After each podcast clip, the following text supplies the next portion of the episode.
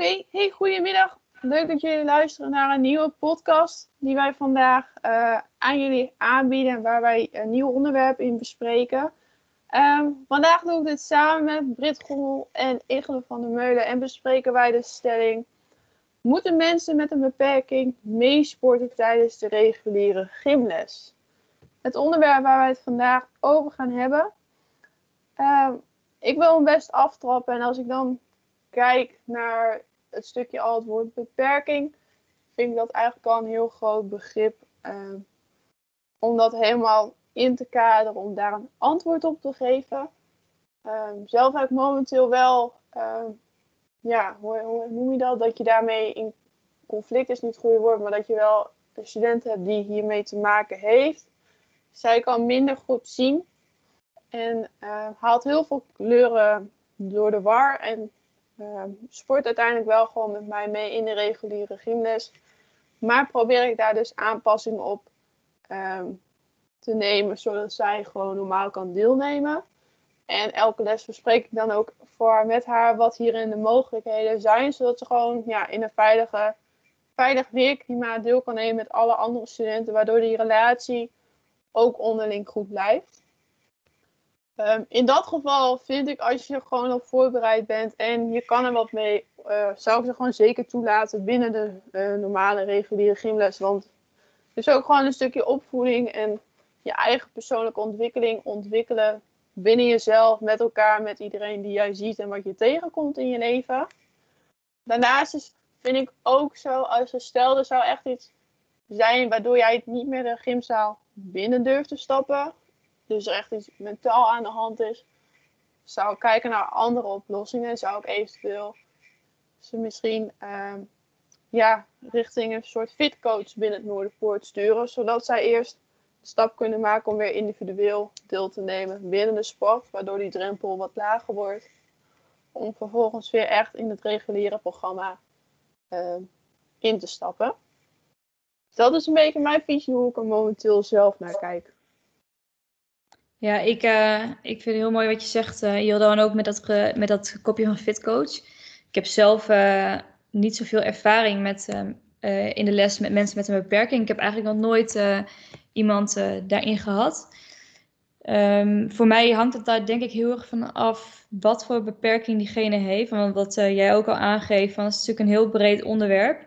Of het kan natuurlijk op heel verschillende vlakken voorkomen ik denk als het inderdaad een mogelijkheid is om wel mee te kunnen deelnemen aan de sport, dat het natuurlijk heel mooi is als de docent uh, daar ook dan verdiepingen zoekt. Wat ik ook denk is voor de klas is dat iets heel moois om ook elkaar te helpen en te ondersteunen en samen te werken. Dat je met elkaar dit zou kunnen doen. Dus ik denk dat je uh, daar een hele mooie koppeling kan maken naar, um, naar het sociaal-emotionele ge ge gedeelte. Um, dus ik vind, niet dat, ik vind niet dat iemand met een beperking verplicht moet meesporten. Maar uh, dat, dat hangt natuurlijk af van de, van de beperking. Als diegene zich uh, echt niet veilig genoeg voelt, uh, dan zou ik het niet verplichten. Maar ik zou het wel zodanig stimuleren dat er wel ruimte is voor diegene met een beperking. Om wel mee te kunnen sporten. Wellicht op een andere manier of met hulp of extra begeleiding. Um, ja, ik zou het op die manier uh, proberen toe te passen. En anders inderdaad misschien kijken hoe het met fitcoach en alles uh, nou ja, op te lossen is. Of die nog uh, daar ervaring in hebben. Ja. ja ik denk dat het een mooie toevoeging is. Ja, inderdaad. Ik vind het mooi wat jullie zeggen, Hildo en, en Brit. ik denk eerst dat wij, of dat wij ja, inderdaad kritisch moeten gaan kijken naar de stelling. Hè, het woordje moet. Moet mensen met een beperking ehm, eh, deelnemen tijdens een uh, reguliere sportles. Ik denk dat het woordje moet, moet veranderen kan. Hè? Kan iemand met een beperking deelnemen aan de reguliere les? En natuurlijk moet het antwoord daar ja op zijn. Ik vind dat wij als taak sportdocent hebben dat wij altijd naar de mogelijkheden moeten kijken in plaats van naar de onmogelijkheden die iemand met een beperking heeft. Beperking is inderdaad een groot woord. Kan je denken aan fysiek, maar je kunt ook natuurlijk denken aan mentaal. Kijk naar mijn eigen uh, praktijk. Heb ik een jongen waarbij de rechtervoet, het rechterbeen is korter dan het linkerbeen. Dus dat betekent dat hij wat hinkt en zijn ene hand is wat spastisch. Waardoor hij uh, bijvoorbeeld een basketbal tussen zijn buik en de, en, de, en de goede hand moet klemmen. Zeg heb je van tevoren altijd gesprekken. En wat, wat zijn jouw mogelijkheden? Waarin kun jij gewoon functioneren? En dan weet de student zelf donders goed wat hij wel en wat hij niet kan. En daar vind ik dat jij als sportdocent daar een, een, juiste manier moet van aan, gaan aanpassen die past bij hem of haar. Zodat hij altijd natuurlijk mee kan doen binnen het reguliere sportonderwijs. Ja. Nou, als je kijkt naar de cognitieve beperking, ja, dat is altijd wel lastig. Hè? Misschien met uh, studenten of mensen met autisme. Dat vind ik, uh, lastig, dat vind ik een lastig een. Daar heb ik zelf ook nog geen ervaring mee. Ik weet niet hoe het bij jullie zit. Hebben jullie misschien iets met uh, cognitieve beperking? Hebben jullie daar meer verstand van? Nee, niet zo 1, 2, 3. Nee, ik niet. Nee, ik, uh, ik heb ook niet, uh, niet inderdaad zo op te noemen dat ik daar ervaring mee heb met de cognitieve beperking. Um, nee, ja, ik, ik merk dat bijvoorbeeld bij niveau 2 dat er wel eens wat achterstand zeg maar, is um, qua dingen begrijpen. En uh, je kan daar ook wel vaak ja, ja, ik moet zeggen, ik heb bij niveau 2 heb ik wel eens wat studenten waarvan ik dan denk van daar, die hebben iets van een cognitieve beperking.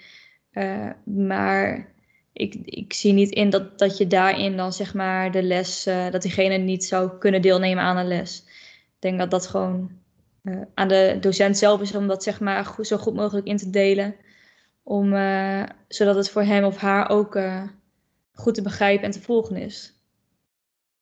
En vond het wel een hele mooie aanvulling, Egle. Wat jij zei, dat, dat, ik, dat het wel gewoon in, aan de docent is dat wij zeg maar ook als sportdocenten ervoor moeten zorgen dat er altijd mogelijkheid is om voor die studenten uh, dat ze mee kunnen doen in, in het bewegingsonderwijs.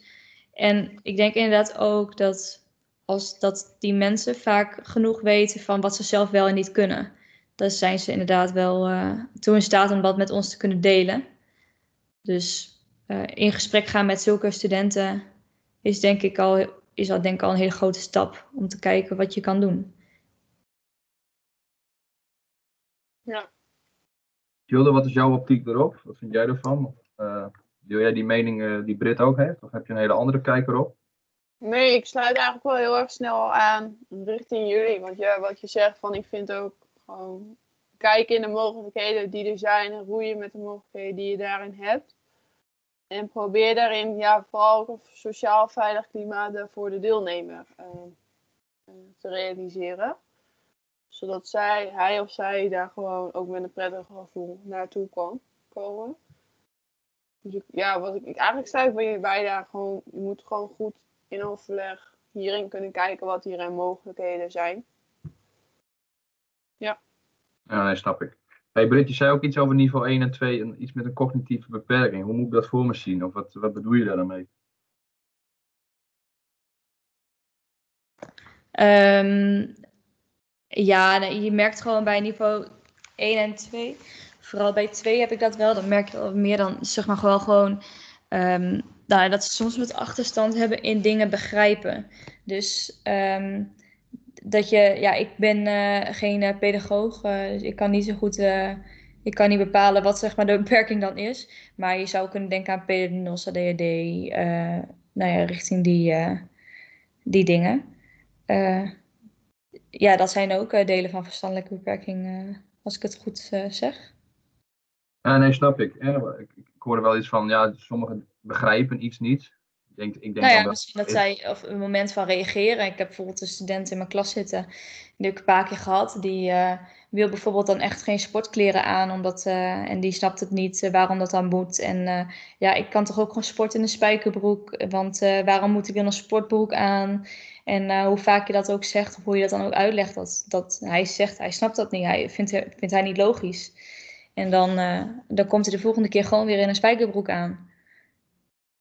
Nou, maar, maar, je zegt het ook al een beetje, hè? dat vindt hij niet logisch. Heeft het dan te maken met zijn cognitieve beperking? Of heeft het misschien iets te maken met dat hij, hè, dat, hij dat, dat vanuit zijn opvoeding heeft meegekregen en dat is voor hem normaal?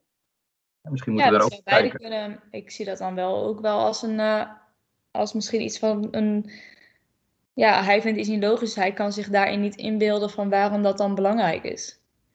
Dus ik weet niet of het alleen op te, op te, uh, te maken heeft met opvoeding. Nou, ik denk ook dat dat een stukje te maken heeft met onze perceptie als gymdocent.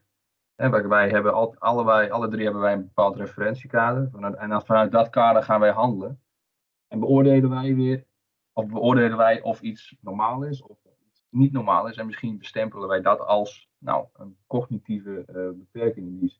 Maar ik denk dat we daar wat meer van af moeten gaan stappen. En juist meer in de rol moeten gaan kruipen als begripvol. En uh, de persoon moeten gaan snappen en los moeten laten wat wij normaal vinden. Uh, dus ik denk dat daar ook wel een, rol voor ons is weggelegd. Nou, terugkomen naar de stelling. Hè.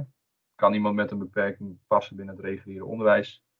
Nou, wat ik al zei, fysiek is natuurlijk anders dan, uh, dan cognitief. Maar als ik kijk naar cognitief vlak, denk ik dat het zeker zaak is om meer begripvol te zijn richting de student.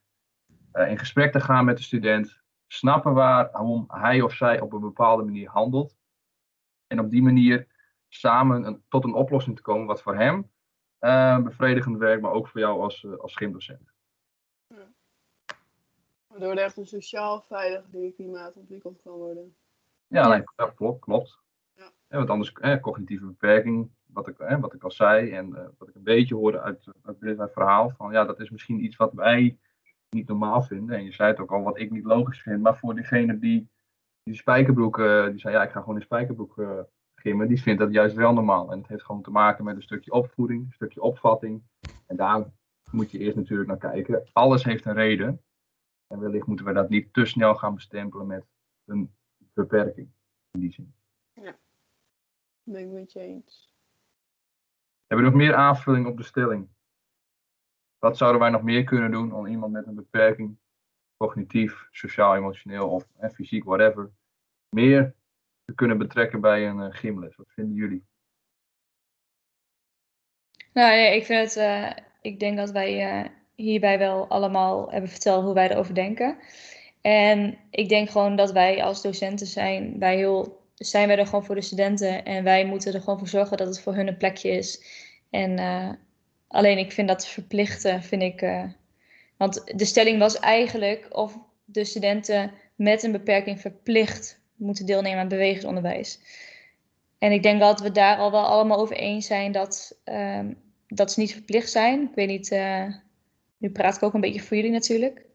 Niet per se verplicht zijn, maar dat ze wel deel dat wij er wel voor moeten zorgen dat ze deel kunnen nemen. Ja, precies. Het moet geen beperking zijn voor hem of haar. Het moet juist mogelijkheden geven voor ons. En er moet ook zeker geen beperkingen geven voor ons als docent. Ik denk dat we altijd naar de mogelijkheden moeten kijken van de student wat wel en niet kan. Nou, motorisch vlak kun je dat heel makkelijk doen. Ja. Uh, denk ik door uh, te gaan differentiëren in aanpak en in, in, in, in, in, uh, in manieren van doen. Dan kun je samen tot een oplossing komen. Dan heb je het over de fysieke beperking. En cognitief denk ik vooral, nou een cognitieve beperking zou inderdaad kunnen zijn een gediagnosticeerde uh, uh, aandoening. Dan denk je aan ADHD of PDD-NOS. Dat je daar heel duidelijk afspraken mee maakt. Iemand met ADHD wil juist weten wat er gaat gebeuren. Heeft geen structuur. Geef hem houvast. Geef hem desnoods een soort kaart waarin staat wat de stappen zijn van de les, wat hij moet gaan doen als dit en dit en dit gebeurt. En ik denk dat daar nog wel wat leerwinst zit, zeker bij mij, um, als het gaat om uh, tegemoetkoming van iemand met een, uh, een stoornis in, in, principe. Ja, nee, dat ja. ben ik zeker met je eens. Ik denk dat dat voor altijd voor heel veel mensen wel een ontwikkelingspunt blijft, want dat verandert zich continu door.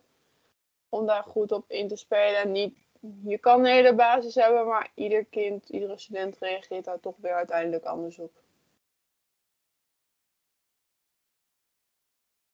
Nou, dan is, uh, ik denk dat de, de, podcast bij deze is afgesloten. Uh, met als stelling, hè, we zijn er al van afgestapt of iemand met een beperking verplicht moet gimmen binnen het reguliere onderwijs. Nou, we zijn van mening dat wij als gymdocent de taak hebben om te voldoen aan de leerbehoeften van de student. Zowel als het om een fysieke beperking gaat, als, als een, cognitieve beperking, waarin wij nog veel leerwinst hebben te halen. Dat was een interessante stelling om over te praten, samen met Brit, Jildo en Ichter. We zien jullie heel graag bij een volgende podcast.